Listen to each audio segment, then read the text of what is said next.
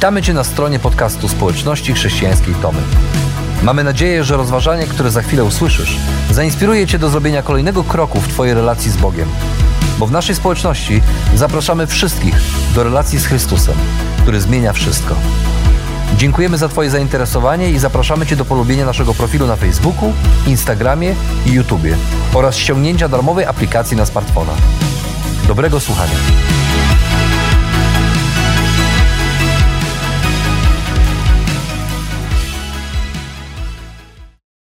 Pytania są ważne. No, pytania pozwalają nam odkryć to, co rzeczywiście jest najważniejsze. Mój dwuletni syn jest właśnie e, na etapie zadawania pytań. Odkrył, że e, pytania są ważne i pozwalają odkrywać nowe rzeczy. I e, jego ulubione pytanie brzmi: jaki, jaka, jakie. Nasze dialogi wyglądają ostatnio tak. Jerzyku, zjesz śniadanko? Tatuś zrobił. Jaki tatuś? No twój tatuś. Ile masz tatusiów? Jednego. No to twój jedyny tatuś zrobił ci śniadanko. Jakie śniadanko? No dobre. Jakie dobre? No grzaneczki.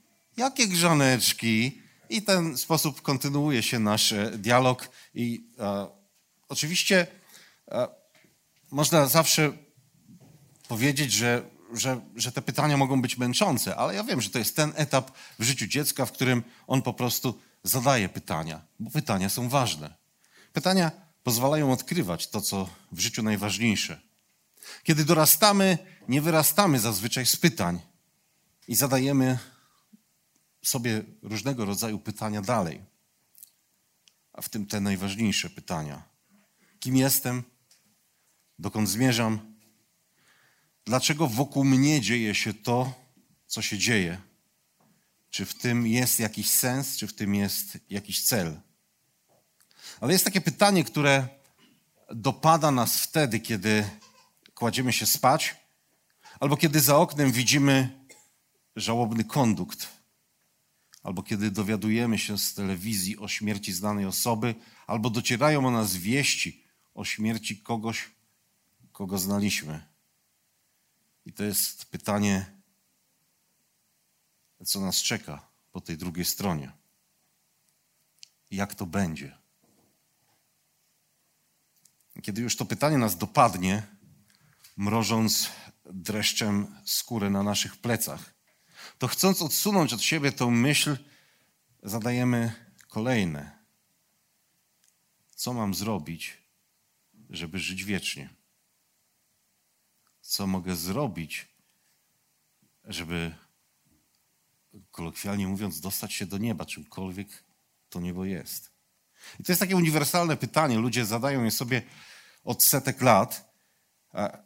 W Ewangelii Łukasza czytamy historię o tym, jak pewien człowiek przyszedł do Jezusa i zadał mu to samo pytanie. W jego przypadku nie jestem pewien, czy on rzeczywiście chciał dowiedzieć się tego, co najważniejsze, bo ewangelista Łukasz pisze, że zadał je podchwytliwie. Najwyraźniej chciał Jezusa na czymś złapać, ale czasami tak jest, że zadajemy pytania nie po to, żeby poznać prawdę, ale raczej, żeby tę prawdę od siebie odsunąć.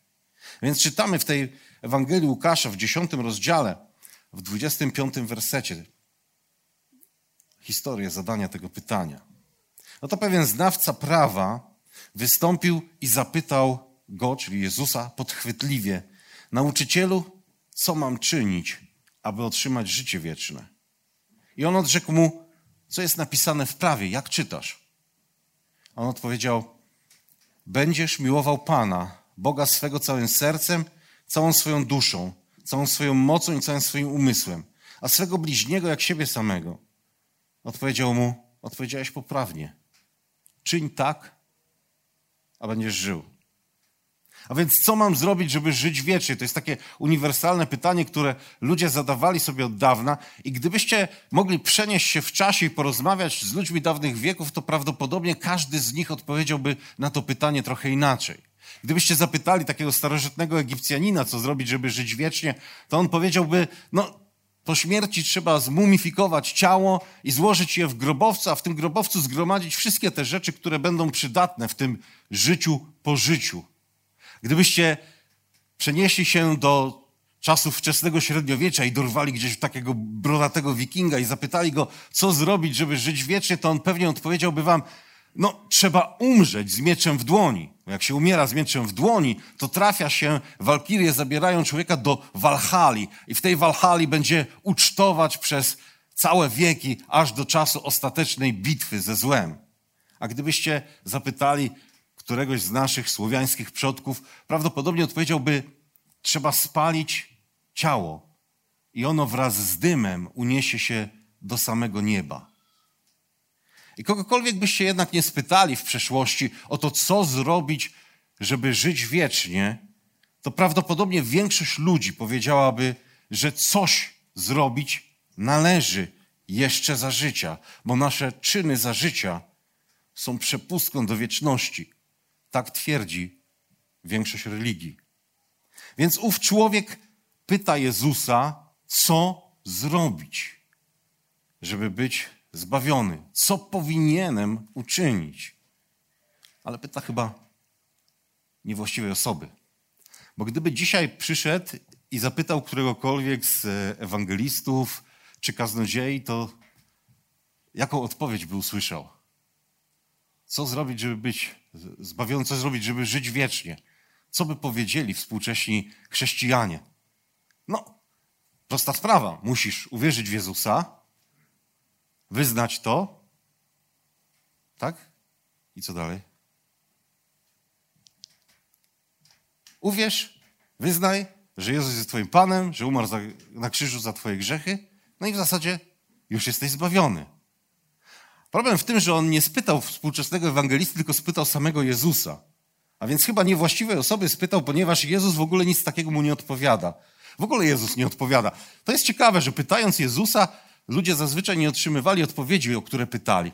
Więc Jezus nie odpowiada mu na to pytanie, co zrobić, żeby żyć wiecznie, tylko odpowiada mu pytaniem na pytanie. No ale co czytasz w prawie? Czyli innymi słowy, co czytasz w Biblii? Co czytasz w Piśmie Świętym?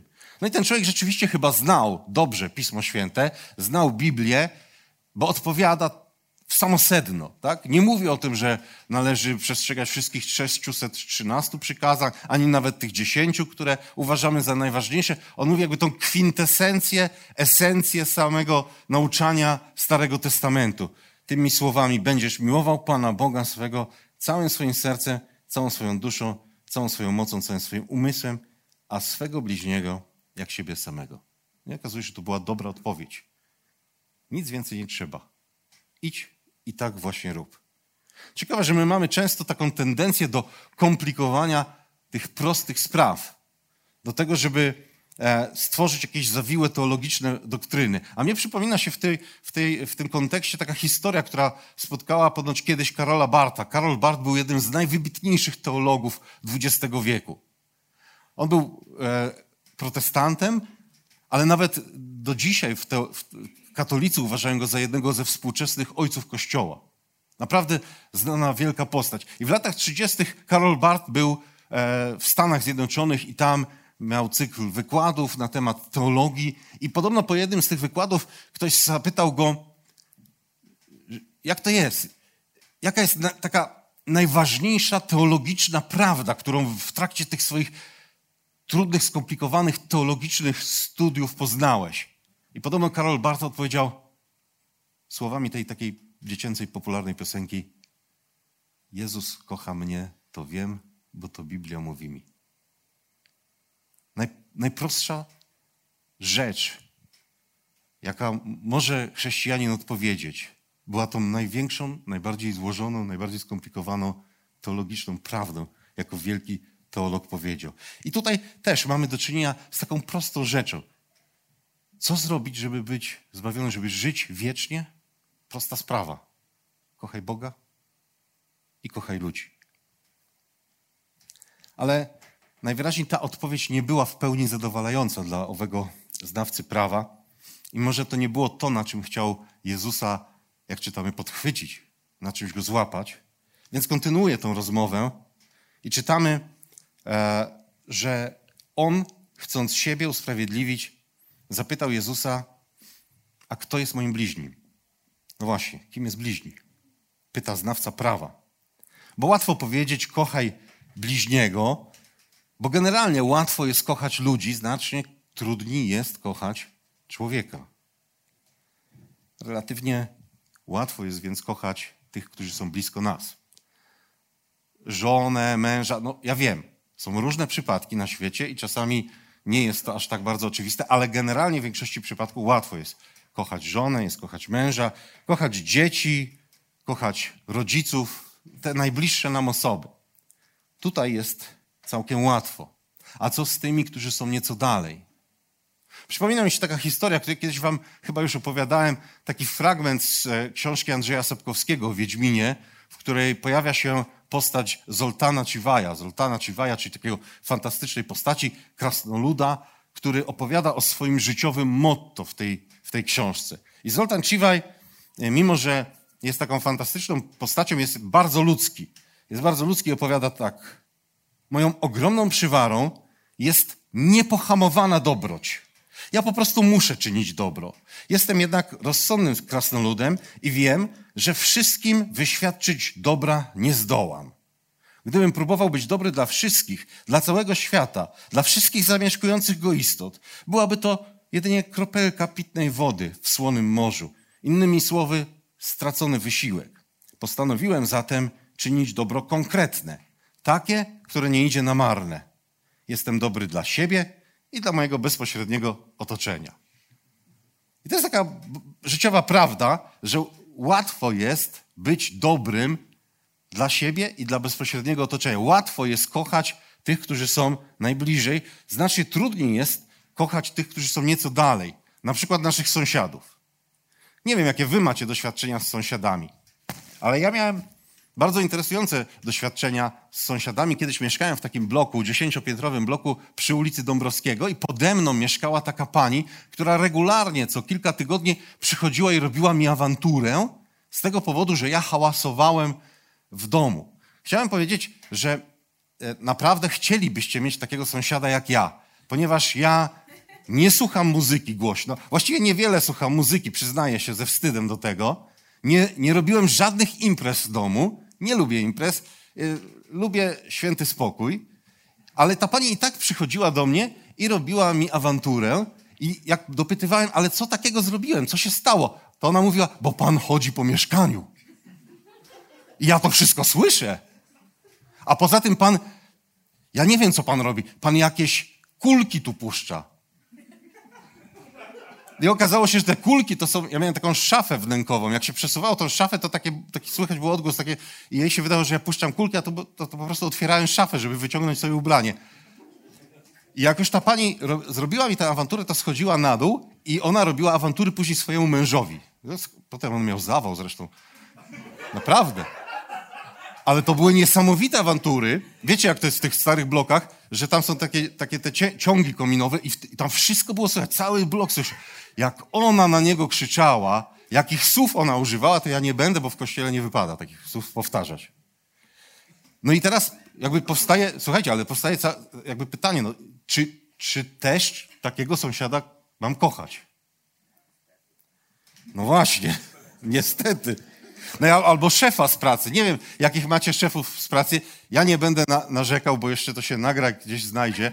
Ale, ale, ale różnie to bywa, wiemy z doświadczenia, tak? Albo tych różnych kierowców, których mijamy na ulicy. No, jak kochać tych wszystkich ludzi? Jak daleko mamy się w tej miłości do tych ludzi posunąć?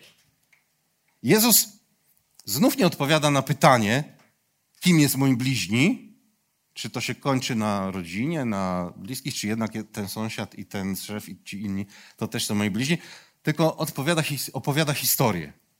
I ta historia wygląda tak. Jezus, nawiązując do tego, powiedział, to znana historia, na pewno ją skojarzycie. Pewien człowiek schodził z Jeruzalem do Jericha i wpadł w ręce bandytów. Oni go obrabowali, pobili i zostawiając ledwie żywego odeszli. Przypadkiem schodził tę drogą pewien kapłan. Gdy go zobaczył, ominął z daleka. Podobnie i Lewita. Gdy przyszedł na to miejsce, zobaczył go i ominął z daleka. Pewien zaś Samarytanin, będąc w drodze, przechodził obok niego, a gdy go ujrzał, ulitował się. Poszedł, opatrzył jego rany, zalewając je oliwą i winem, wsadził na swoje juczne zwierzę i zawiózł do gospody i opiekował się nim. Nazajutrz wyjął dwa denary, dał gospodarzowi i powiedział, opiekuj się nim, a jeśli wydasz więcej, oddam ci, gdy będę wracał. Jak sądzisz? Który z tych trzech okazał się bliźnim napadniętego przez bandytów? On odpowiedział, ten, który okazał mu miłosierdzie. Jezus powiedział do niego, idź i ty czyń podobnie. Problemem z tej historii jest to, że słyszeliśmy, większość z nas słyszała już ją kiedyś, a niektórzy z nas słyszeli ją niestety nazbyt wiele razy. Problemem jest to, że minęło też dwa tysiące lat, od kiedy Jezus pierwszy raz ją odpowiedział i wiele rzeczy się zmieniło. I dzisiaj, kiedy słyszymy słowo Samarytanin, to ono jest takim synonimem człowieka, który niesie pomoc. O ludziach, którzy pomagają innym, mówimy miłosierni Samarytanie. A o pomocy niesionej innym ludziom mówimy często pomoc samarytańska. Jest mnóstwo takich dobroczynnych organizacji, które mają w swojej nazwie to, ten przymiotnik samarytański. Pamiętam, że jak byłem w harcerstwie, to e, ta pierwsza pomoc przedmedyczna, ta resuscytacja, opatrywanie ran, e, te wszystkie podstawowe czynności, które się robiło rannym, to się na to mówiło Samarytanka. To słowo Samarytanin stało się dla nas synonimem pomocy drugiemu człowiekowi. Ale w czasach, kiedy Jezus pierwszy raz tę historię opowiadał, wcale ono nie znaczyło tego, co znaczy dzisiaj. Samarytanie byli taką grupą, która zamieszkiwała e, na terenie, na terenie dzisiejszego Izraela pomiędzy Judeą, czyli tym miejscem, gdzie jest Jerozolima, a Galileą, czyli tym miejscem, gdzie większość wydarzeń z Ewangelii się, się toczy. Pomiędzy tymi dwoma miejscami była Samaria i zamieszkiwali ją Samarytanie. Samarytanie byli takim ludem, który powstał ze zmieszania się potomków mm, części plemion izraelskich z ludźmi, których tam na to miejsce przesiedlili Asyryjczycy. Setki lat przed Jezusem. I przez setki lat wzajemnego sąsiedztwa Żydów i Samarytan stali się oni dla siebie wzajemnie największymi wrogami. Oni mieli za sobą setki lat historii wzajemnych wojen, utarczek i wyrządzanych sobie wzajemnie krzywd.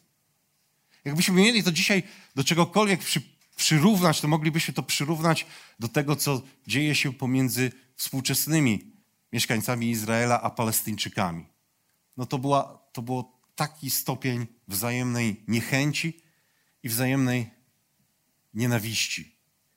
A tymczasem więc w całej tej, słuchajcie, y, historii dzieją się rzeczy szokujące. Przeciętny Żyd, kiedy chciał przejść z Galilei do Jerozolimy, to on nawet, mimo że najprostsza droga prowadziła przez Samarię, nawet nie przechodził tamtędy, tylko wolał przekroczyć rzekę Jordan, ominąć całą tą krainę, przekroczyć ją ponownie rzekę Jordan niżej i wtedy dotrzeć do, do Jerozolimy chociażby. Po prostu nie chcieli nawet przez to przechodzić. Ta niechęć była tak daleko posunięta. A w tej czasie w naszej historii mamy, mamy właśnie tego człowieka, jak się domyślamy, Żyda, który idzie z Jerozolimy do Jericha.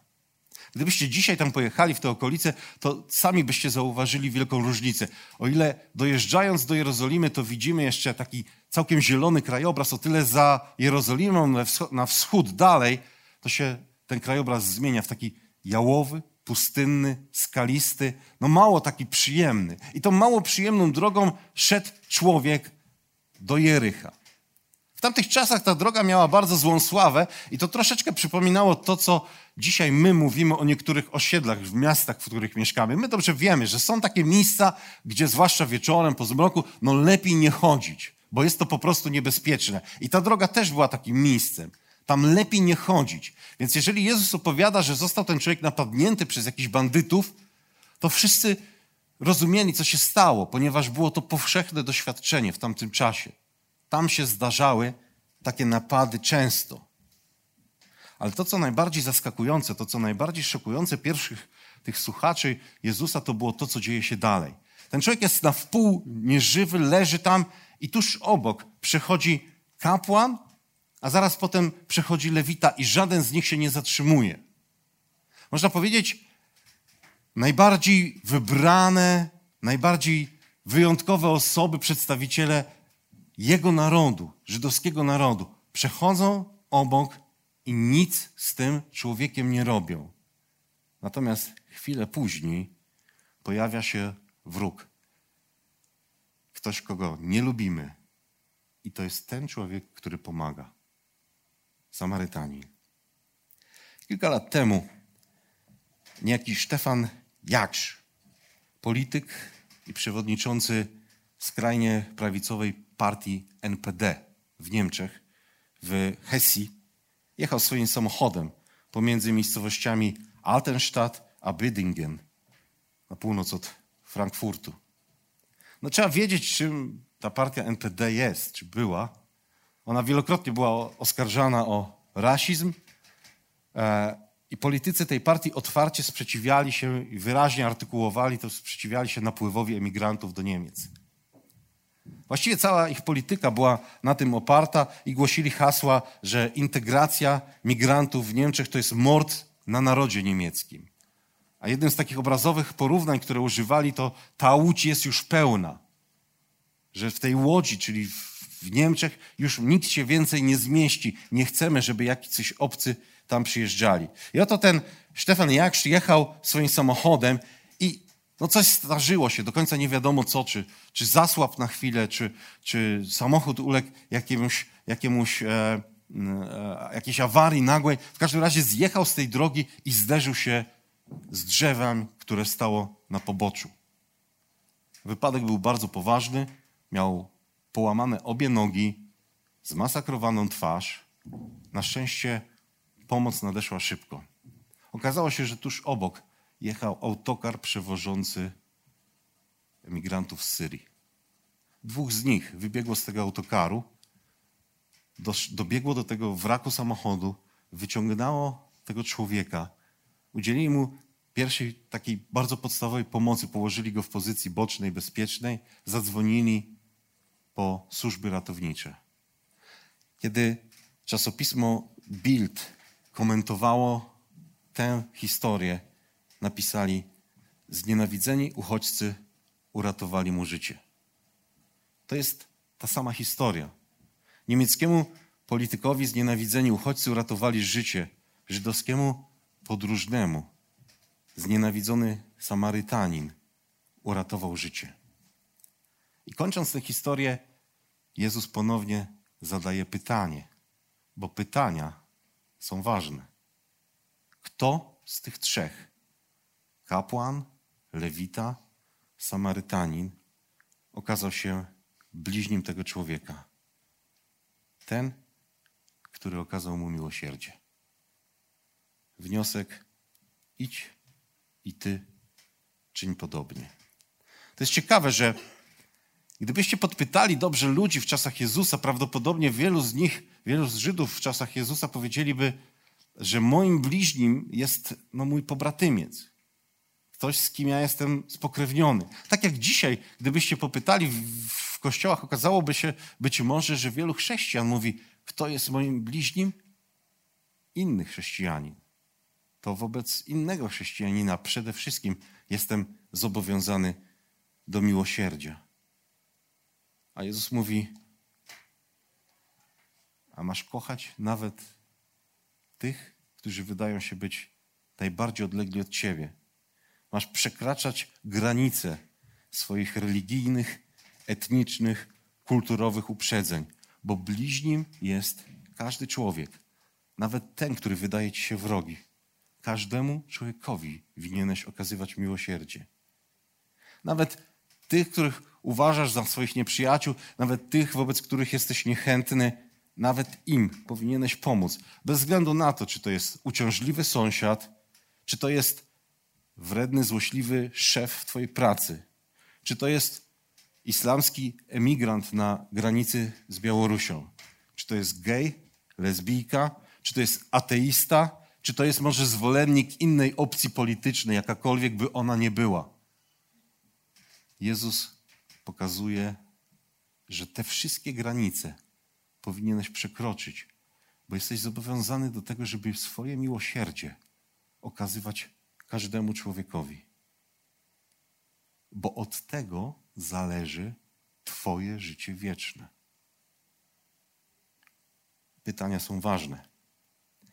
Pytania pomagają nam odkrywać to, co najważniejsze, a ostatnim pytaniem, jakie w całej tej historii się pojawia, którego nikt w tej historii jednak nie wypowiada, a które kołacze się w głowie, kiedy ją czytamy, to pytanie, a gdzie tu jest Bóg i co Bóg robi w tej całej historii?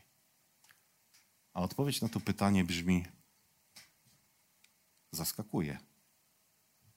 Jeżeli byśmy przyjrzeli się tym, tej historii i tym wszystkim pytaniom, które się w niej pojawiły w szerszym kontekście całego większego fragmentu, to zobaczylibyśmy, jak zaskakujący Bóg jest w tej całej historii. Jak bardzo nietypowo postępuje. Cała ta historia zaczyna się dużo wcześniej, zaczyna się na samym początku dziesiątego rozdziału. I gdybyście tam mieli kiedyś czas w domu, to zachęcam do tego, żebyście do tej historii zajrzeli. Oto na samym początku dziesiątego rozdziału Jezus wysyła 72 uczniów. I wysyła ich po to, żeby zwiastowali o nadchodzącym Królestwie Bożym, ale też mówi im, że będą uzdrawiać ludzi. A ciekawe jest to, że w całej tej misji, którą, z którą ich posyła, dużo czasu zajmuje mu stwierdzenie tego, że spotkają się ze sprzeciwem, że będą ludzie, którzy ich nie będą wpuszczać, że będą ludzie, którzy będą dla nich niemili. I kończy tę historię opowieścią o sądzie Bożym.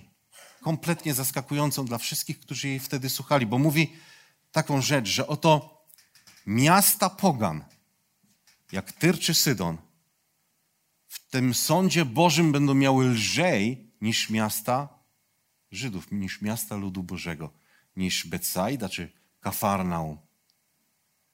Tym miastom zamieszkanym przez pogan będzie lżej. No, każdy, kto słuchał e, tych słów Jezusa, musiał być zdumiony. To musiało być szokujące, bo to sprzeciwiało się wszystkiemu temu, co oni myśleli o Bogu.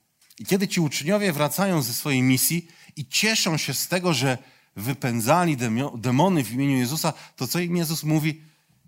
Nie z tego się cieszcie. Wy się cieszcie z tego, że wasze imiona są zapisane w niebie. I to jest ciekawe o tyle, że w czasach Jezusa większość Żydów nie miała sprecyzowanego pojęcia na temat tego, co się dzieje z człowiekiem po śmierci. Najpopularniejszy pogląd bynajmniej nie dotyczył życia wiecznego. Większość myślała, że życie to jest tutaj, na ziemi, a po śmierci to się po prostu trafia do Szeolu i tam się siedzi w jakiejś tam krainie umarłych i właściwie nic specjalnego tam się nie dzieje. I nagle Jezus mówi, nie z tego się cieszcie, że cuda widzicie, że przez wasze ręce Bóg cuda wykonuje. Cieszcie się z tego, że macie wieczność. Dla wielu z nich Musiało to być szokujące i niezrozumiałe.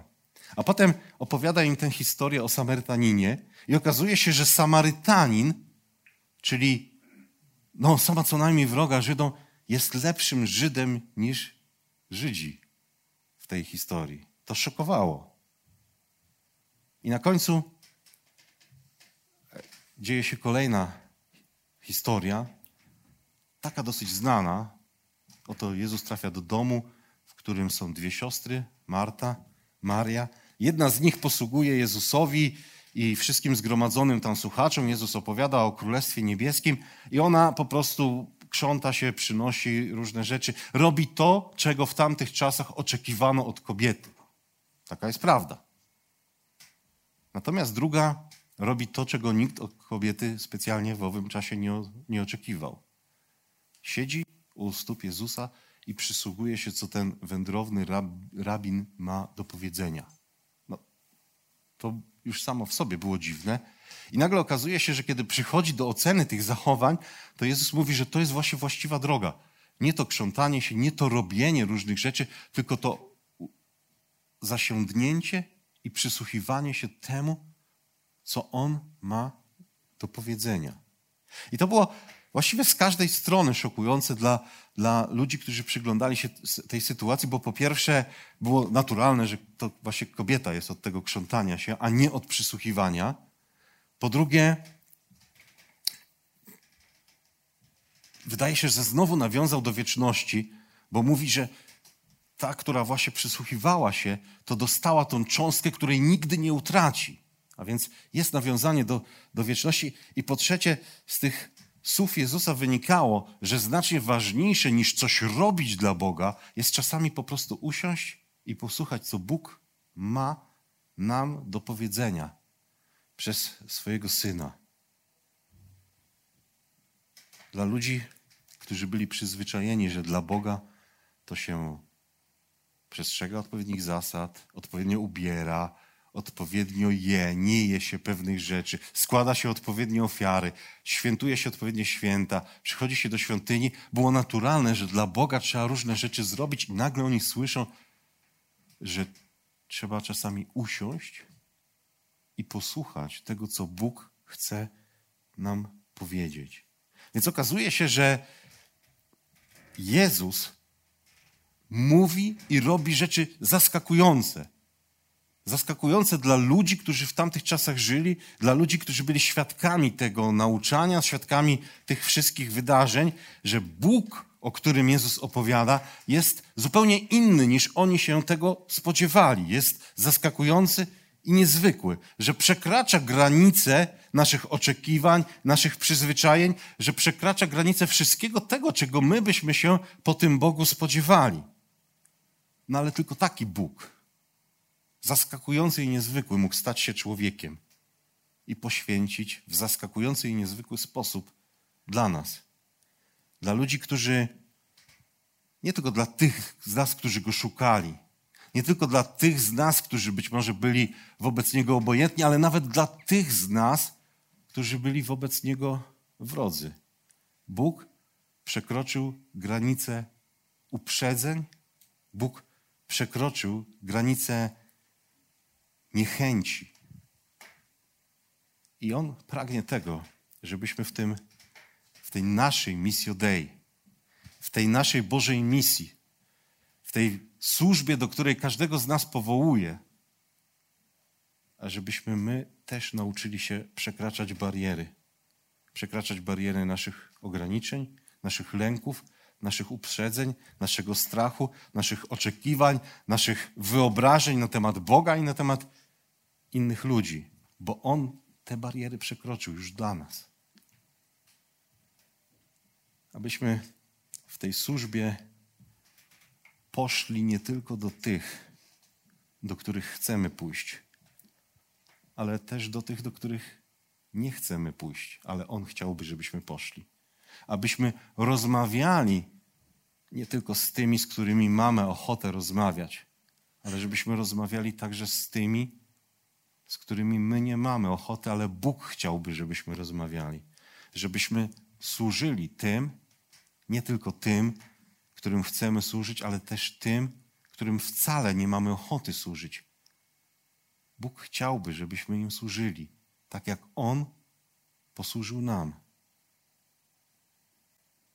Bo okazuje się, że wieczność, którą przygotował dla nas niezwykły Bóg, zależy od tego, czy kochamy Jego i ludzi w taki sposób, że jesteśmy gotowi przekroczyć granice naszych uprzedzeń, lęków i wyobrażeń.